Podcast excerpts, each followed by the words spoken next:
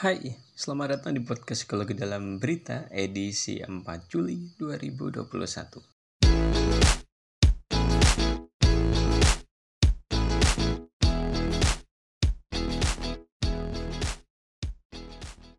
Kali ini muncul berita viral lagi yang berkaitan dengan mobil terbang gitu. Sebenarnya berita tentang mobil terbang ini udah ada dari lama gitu. Kalau kalian coba search tentang mobil terbang udah ada setahun yang lalu yang menciptakan kayak mobil terbang yang pertama gitu. Terus ada mobil mobil terbang yang bentuknya seperti drone juga ada. Tapi mobil terbang yang dia udah berhasil terbang itu melintasi antar kota ini baru yang pertama gitu. Kalau kita lihat secara tahapannya perkembangannya tuh lumayan pesat gitu dari yang awalnya mobilnya nggak ada penumpangnya. Terus mulai ada penumpangnya. Terus yang sebelumnya nggak ada rodanya gitu sekarang jadi bisa jalan juga di darat gitu. Jadi emang betulan mobil terbang gitu. Dan saat ini yang dibuat sama Slovakia gitu mobil ini udah bisa melintasi antar kota. Terus selain itu uh, bodinya tuh udah udah mobil banget. Dia bisa berubah menjadi uh, mobil gitu. Jadi bisa beneran untuk jalan. Bisa juga dia mengeluarkan sayap. Jadi kayak sayapnya itu bisa ditekuk gitu loh. Ini coba gue ini ya gue puterin untuk beritanya. Mimpi untuk menggunakan flying cars atau mobil terbang sebagai transportasi utama nampaknya akan semakin dekat setelah sebuah perusahaan asal Slovakia, Clean Vision, sukses melakukan uji coba mobil terbang atau pertama atau mobil terbang pertama buatan mereka. Dengan dipiloti oleh salah satu pendiri Klein Vision, Stephen Klein, prototipe Aircar One ini sukses melakukan uji coba terbang selama 35 menit dari kota Nitra ke Bratislava International Airport. Prototipe mobil bersayap ini juga setelah melalui sejumlah rangkaian uji coba seperti 40 jam penerbangan, kemampuan manuver, ketinggian jelajah hingga 8.200 kaki, dan kecepatan jelajah maksimum hingga 190 km per jam. Meski menghasilkan uji coba yang menggembirakan, namun para ahli memperkirakan jalan yang ditempuh bagi Air Cars agar dapat diproduksi massal masih jauh. Wih, keren keren keren keren. Bisa jadi nggak nggak nggak nunggu bertahun-tahun lagi beberapa bulan lagi bisa jadi akan muncul lagi berita tentang mobil terbang ini yang mungkin udah mulai bisa dikomersilkan gitu bisa jadi aja gitu. Karena ngeliat perkembangannya itu pesat banget cuy. Dan dulu yang mungkin pas zaman kita kecil gitu sering buat bercandaan eh, mobil terbang mobil terbang. Beneran nanti ada eh mobil terbang. Mobilnya terbang beneran di atas gitu. Tapi buat yang sekarang sih mungkin hanya dimiliki oleh kalangan-kalangan tertentu gitu. Karena mobil yang diciptakan itu dia butuh landasan sih untuk dia bisa terbang gitu kecuali si mobil ini tuh bentuknya seperti drone gitu. Jadi nggak perlu landasan yang panjang dia bisa terbang untuk vertikal ke atas gitu. Itu bisa untuk terbang. Gila sadis sadis. Di luar sana udah orang-orang udah mulai ngebuat mobil terbang. Di sini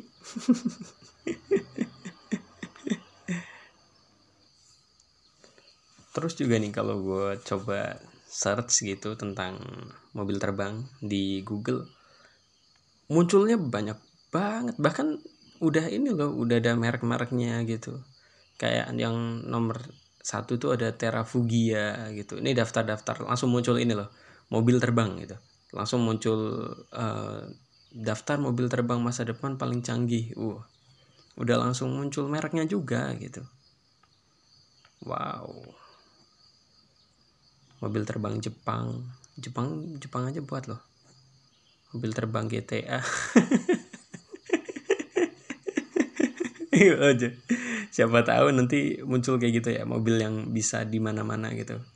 Kalau di GTA itu tuh salah satu game mobilnya itu rodanya bisa dilipat jadi dia terbang atau ngelewatin kayak apa air gitu kan itu rodanya dilipat di ditekuk gitu loh.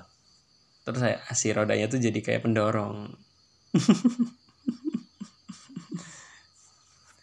Bisa jadi nanti nggak tahu juga kan bisa aja begitu. Keren sih. Di luar sana udah mikir biar terbang negara kita. Ya bukannya mau bandingin atau gimana sih tapi ya kayaknya kita terlalu sibuk sama masalah kita sendiri deh sampai akhirnya. Ya orang-orangnya udah sibuk untuk gimana caranya bisa hidup gitu. Nggak jarang jarang banget yang berpikir untuk gimana caranya dia bisa maju gitu uh, menemukan sesuatu yang baru sesuatu yang belum ada gitu kayak uh, sebuah mencapai gitu mencapai sesuatu gitu. Terus juga kalau di budaya Jawa kalau orang Jawa sih kalau pulau lain bisa jadi beda ya. Tapi kalau di pulau Jawa tuh orang-orang lebih ke legowo prinsip legowo inilah yang bikin orang-orang jadi nggak bisa jadi ya bisa jadi ini asumsi gue doang sih. Bisa jadi bikin orang nggak uh, maju-maju gitu. Karena kan dengan legowo ya udahlah segini aja lah ya udah cukup lah. Gitu. Terus pandangan orang tua juga belum untuk apa ya bisa mendukung lah gitu. Banyak sih sebenarnya kalau untuk alasan-alasan gitu. Kalau kita coba cari apa ya tingkat pendidikan di Indonesia gitu. Gue pernah baca sebuah berita ya tingkat pendidikan di Indonesia tuh nomor 7 dari bawah. Nomor tujuh dari bawah. Jadi jauh sekali gitu loh untuk tingkat kualitas pendidikan kita gitu. Di luar sana bahkan dibanding negara-negara di Asia Tenggara juga kita termasuk kalah gitu kalau dibanding sama kayak Malaysia gitu. Kita masih di bawahnya deh Brunei gue coba ini ya gue coba cari coba bentar ya nih gue nemu nih dari survei yang dilakukan sama PISA Program for International Student Assessment pada tahun 2019 itu yang ia terbitkan Indonesia itu dapat urutan ke-74 dari 79 negara. Wow, dalam kategori ini dalam kategori kemampuan membaca, sains dan matematika. Padahal itu kan yang dari kecil kita pelajari kan? Itu kan yang semua semua anak dapat kan? Setahu gua ada beberapa negara yang nggak menerapkan banyak mungkin yang nggak menerapkan pendidikan yang semuanya harus uh, dapat gitu. Jadi ada beberapa negara yang dia itu anaknya bisa memilih untuk dia belajar apa gitu. Jadi kalau yang dia nggak pelajari ya dia nggak nggak fokus ke sana gitu loh. Dia bisa fokus pada satu dua hal gitu yang mungkin dia sukai gitu. Tapi tetap harus tetap sesuai dengan aturan ya nggak dia pindah ini pindah ini pindah itu gitu nah kan aneh kan. Padahal kita dari dari kecil mau kalian suka sains atau enggak suka matematika atau enggak ya kita tetap dapat itu gitu. Kenapa malah kita dapat yang terendah gitu. tapi itulah kenyataannya gitu. Kalau kalian coba cari tentang minat baca Indonesia juga rendah banget gitu. Ya coba nanti kita lihatlah di tahun 2021 atau 2022 bisa biasanya kan melakukannya uh, survei tiga tahun sekali ya. Nanti kita kita coba lihat ya hasil terbaru seperti apa gitu. Kalau tahun ini tahun kemarin tahun kemarin kemarin kan yang pas masa pandemi UN kan ditiadakan ya sama menteri pendidikan kita gitu Nadiem Makarim. Bisa jadi itu kasih dampak yang baik gitu BRT lewat. Ayo kalian naik angkutan umum. Kurangi kendaraan pribadi. Aduh, pada masa corona kalau suruh naik kendaraan umum bukannya malah ini ya nyebarin penyakit. udahlah yuk kita bahas ke sini lagi aja. Terus juga ada lagi uh, survei yang dilakukan sama the Organization for Economic Cooperation and Development OECD gitu pada tahun 2018 juga eh setahun sebelum PISA berarti ya. Dia melakukan uh, pengumpulan data menggunakan metode survei dari tahun 2009 sampai 2015 itu lumayan lama 6 tahunan menunjukkan bahwa Indonesia konsisten itu berada di urutan 10 terbawah cuy. Konsisten kita konsisten untuk pendidikan kita selalu berada di bawah rata-rata gitu. Kalau dari yang ia terbitkan gitu dari pihak OECD itu mengungkapkan kalau penyebab utama pendidikan Indonesia bisa peringkat rendah adalah kurikulum yang diterapkan sistemnya. Emang sistem kita rada beda sih. Gue pernah lihat spesial show-nya salah satu stand up komedian Panji Pragiwaksono ya. Dia pernah bilang begini setiap anak beda-beda setiap anak beda-beda kenapa harus uh, dikatakan cerdas dengan cara yang sama? Gitu. Paham nggak? Paham nggak? Analoginya tuh gini kalau di sebuah hutan nih ada Tarsan yang lagi apa namanya mencari penerusnya gitu. Dia mau pindah ke kota mungkin terus uh, yang terpilih jadi raja hutan adalah orang-orang eh adalah hewan-hewan yang orang-orang. Adalah hewan-hewan yang dia bisa bersuara paling keras gitu. Ya kalau gorila sama singa bisa, kalau kayak cicak gitu cuma gitu. Nggak bisa gitu. Tapi nggak bisa. Ya kita nggak bisa nggak bisa untuk uh, menilai gitu bahwa semuanya sam ya itu kekurangan dari disamaratakan sih. Ada ada pasti ada kelebihannya gitu. Cuma itu kekurangannya di situ gitu. Jadi buat anak-anak yang dia punya kelebihan di bidang di luar ini di luar yang bagian formal-formal ini. Contoh dia jago musik seni atau jago di bidang budaya gitu. Di saat dia uh, kan semuanya dilihat dari hasil ya. Hasil dari pendidikan ini gitu. Pendidikan kita kan melihatnya hasil.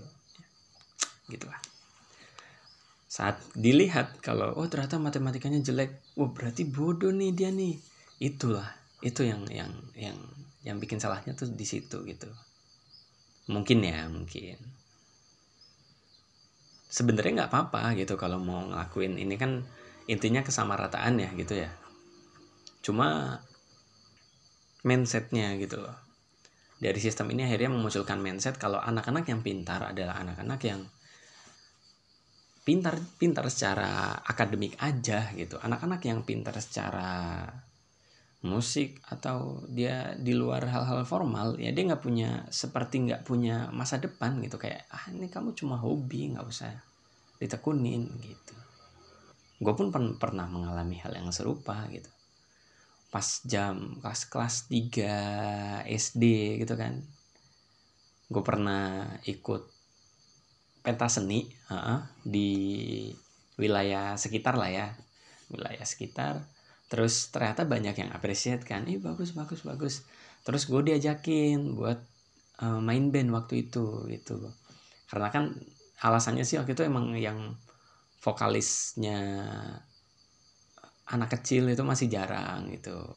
Ya sebenarnya ya nggak tahu juga kan nanti bakal terkenal atau enggak tapi seenggaknya kan itu ada keinginan lah ya untuk ke sana gitu. Itu juga dari bokap gue ngapain ngapain kayak gitu? Mau jadi apa? Itu itu bahkan gue cuma belum belum apa ya belum menentukan masa depan ke sana gitu. Itu cuma ya hobi aja gitu hobi aja. Nah itu kasihannya gitu tuh. Ada anak yang baru untuk menjalankan apa yang ia sukai gitu di luar hal akademik tentunya. Banyak yang ditentang sama orang tuanya banyak yang ditolak gitu. Ya kamu belajar kamu belajar kamu belajar gitu. Pas zaman kuliah gue baru sadar kalau kalau kita terus-terusan belajar terusan belajar belajar gitu. Nanti apa yang membedakan kita sama anak yang lain gitu? Apa kelebihan yang membedakan kita gitu? Gue merasakan hal itu kayak uh, sempet sempet yang pas zaman kuliah gue lah terus bedanya gue sama teman sekelas gue apa? Terus bedanya nanti gue sama seangkatan gue gimana? Bedanya gue sama sejurusan gue gimana? Ya itu kan. Karena kalau dilihat-lihat sama semuanya. Semuanya latar belakangnya sama pendidikannya sama belajarnya sama. Mana pas gue kuliah nih ya nggak ada penjurusan gitu kan. Tambah aduh kita yang belajar belajar semua hal tapi semuanya dikasih semuanya anak-anak tahu tapi yang nggak nggak mendalami gitu. Jadi saat ada 10 katakanlah ada ada ada lowongan pekerjaan dan 10 orang dengan latar belakang sama daftar ya yang milih juga bingung gitu. Bisa jadi cuma cap cip cup gitu. cap cip cup kembang kuncup. Ini dia yang gue pilih. Ntar kalau dia bikin masalah atau dia nggak uh, sesuai gitu. Bukannya diarahkan untuk benar dulu itu tapi langsung dipecat langsung diganti sama yang baru karena banyak yang mirip seperti dia gitu. Jadi pihak dari perusahaan juga nggak terlalu menghargai. Gitu. mana berita yang gue dengar tuh sekarang banyak perusahaan-perusahaan yang mainnya kontrak gitu loh. Jadi si karyawannya nggak ada karyawan yang tetap kebanyakan karyawan kontrak gitu. Kalau mau perpanjang perpanjang kontrak. Itu sulit juga sih kalau kayak gitu. Karena nggak ada dari karyawan nggak ada kejelasan dari perusahaan. Kalau pecat pun kalau kontrak itu ada pesangon nggak ya? Kalau kontrak eh enggak lo ternyata lo enggak enggak ternyata enggak di undang-undang ketenaga kerjaan yang terbaru bahwa karyawan kontrak itu nggak dapat pesangon. Oh pantesan. Pantesan cuy. Makanya sekarang banyak perusahaan yang nggak nggak menetap nggak mengangkat uh, karyawan kontrak jadi karyawan tetap gitu. Rata-rata kontrak kontrak kontrak aja kontrak aja gitu. Gini kalau di PHK tiba-tiba gimana nasibnya ya? Wow. Meskipun gajinya mungkin ya kayaknya nggak juga nggak lebih besar juga deh dari dari karyawan tetap gitu. Mungkin terlihat lumayan gitu. Tapi kalau tiba-tiba di PHK nggak ada kejelasan pusing juga loh. Katakanlah kalau orang-orang yang udah melakukan pinjaman gitu punya KPR gitu. Terus tiba-tiba di PHK bayarnya gimana ya?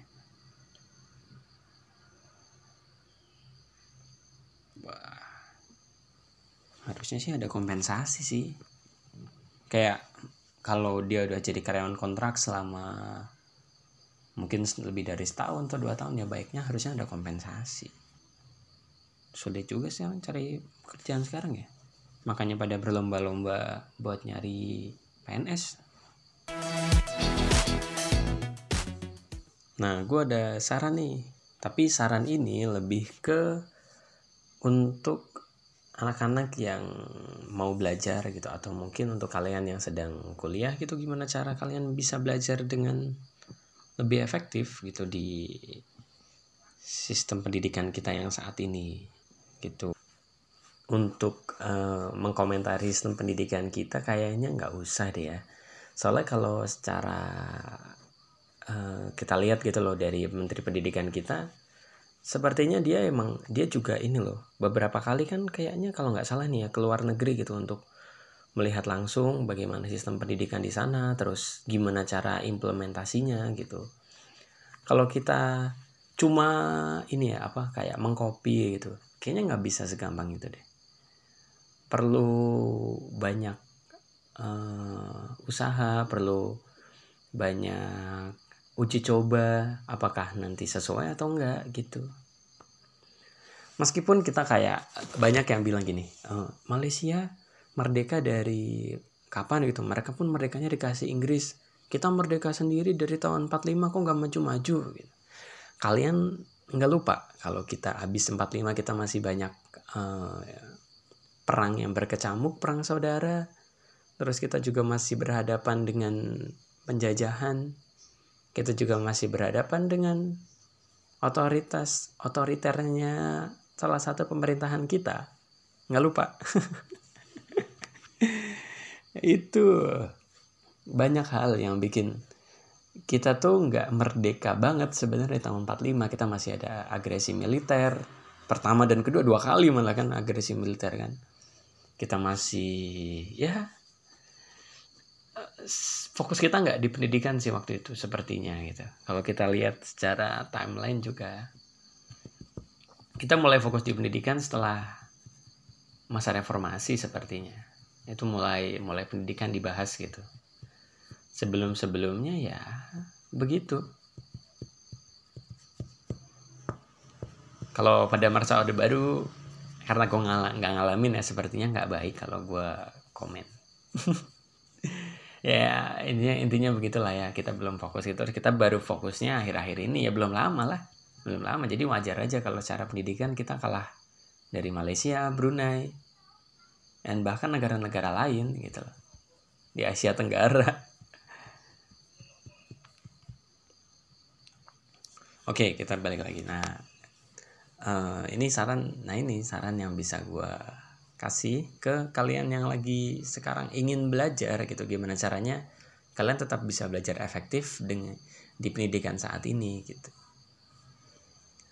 kalau yang pertama saran gue sih kalian coba diskusi sih ngobrol gitu sama orang tua jadi biar tujuannya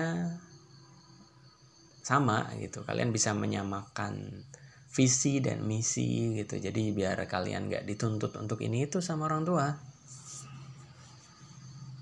Susah juga kan kalau kalian ingin fokus hal ini tapi ternyata dituntut untuk ke hal yang lain gitu. Akhirnya hal ini ketinggalan hal itu karena kalian gak suka kalian juga nggak fokus gitu.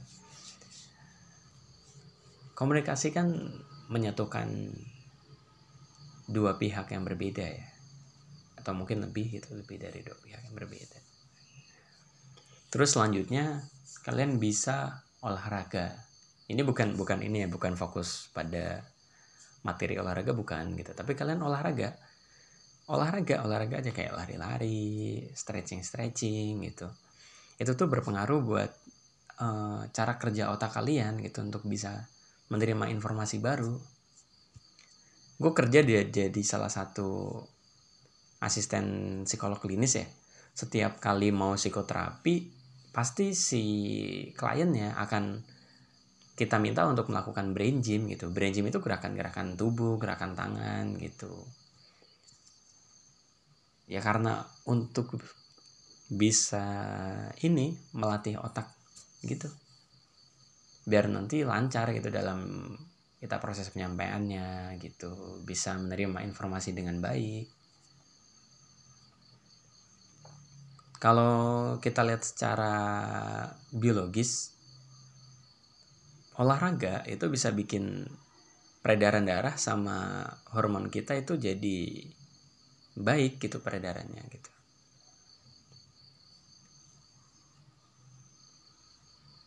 Kalau dijelaskan secara gamblang tuh kayak hormon kan ada dopamin, serotonin, terus ada norepin, norepin, norepineprin.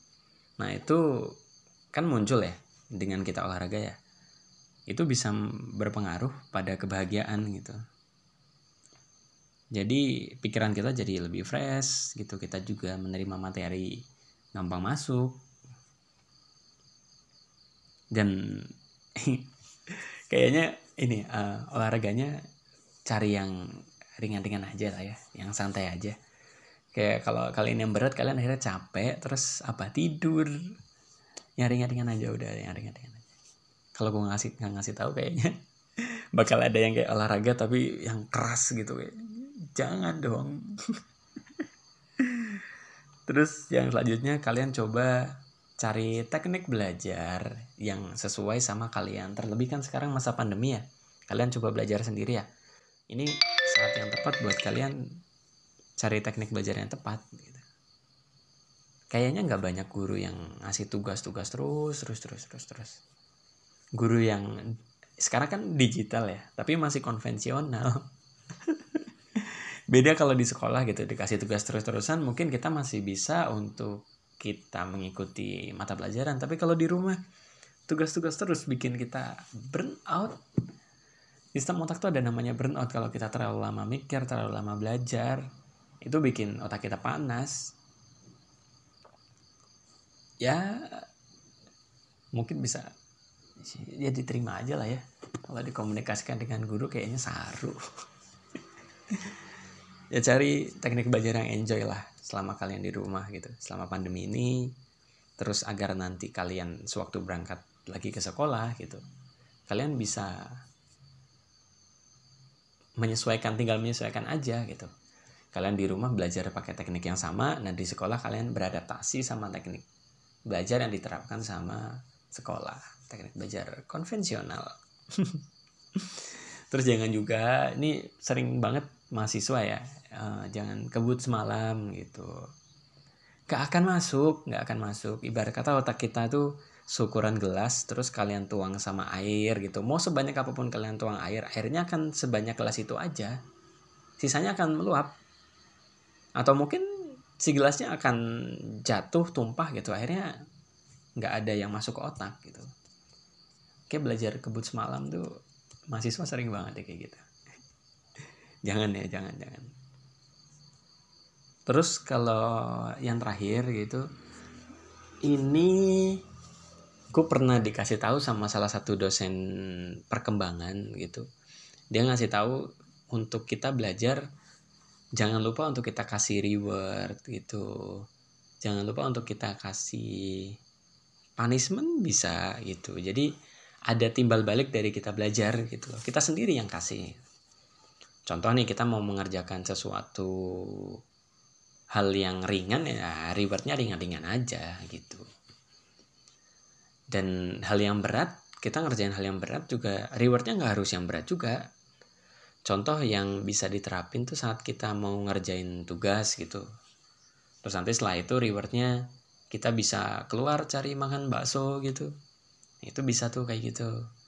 Atau kita mau nonton film gitu jadi sebelum nonton film kita harus ngerjain tugas dulu gitu ngerjain sampai yang uh, kita inginkan seberapa terus habis itu nonton film tapi jangan lupa istirahat sama mengerjakannya tuh juga harus seimbang. Nggak boleh kayak kita ngerjain 10 menit nonton filmnya satu jam jangan. Nggak fokus jadinya kita. Jadi gitu ya. Ya semoga pandemi ini cepat berlalu lah. Susah juga sih kalau mau belajar online kayak gini. Kalian mau ngapain coba di rumah? Belajar itu nggak nggak selalu soal teori kan praktek-praktek juga penting. Lagian juga tetap bayar kan? Aneh banget ya. Orang di rumah ya ya udahlah ya. Ada kalian tahu nggak ada ada salah satu alasan kenapa pemerintah kita dari awal dilakukannya corona itu belum pernah yang namanya melakukan lockdown. Karena kalau kalian cari dalam undang-undang kekarantinaan dan wabah apa ya di tahun 2018 itu undang-undangnya. Itu tuh mengatur kalau dilakukan lockdown pemerintah tuh wajib untuk mencukupi kebutuhan setiap warganya. Kalau PSBB gitu kan enggak ya enggak perlu ya. Beda beda ya. Tapi uniknya ya, ya, ya, eh, mungkin kita bahas lain waktu aja lah. Yaudah yaudah. Oke sekian podcast psikologi dalam berita kali ini. Jangan lupa dengerin terus podcast psikologi dalam berita. Nggak cuma di Spotify sekarang ada di Apple Podcast Google Podcast. Kalian bisa dengerin di sana sekarang. Oke sekian. Bye bye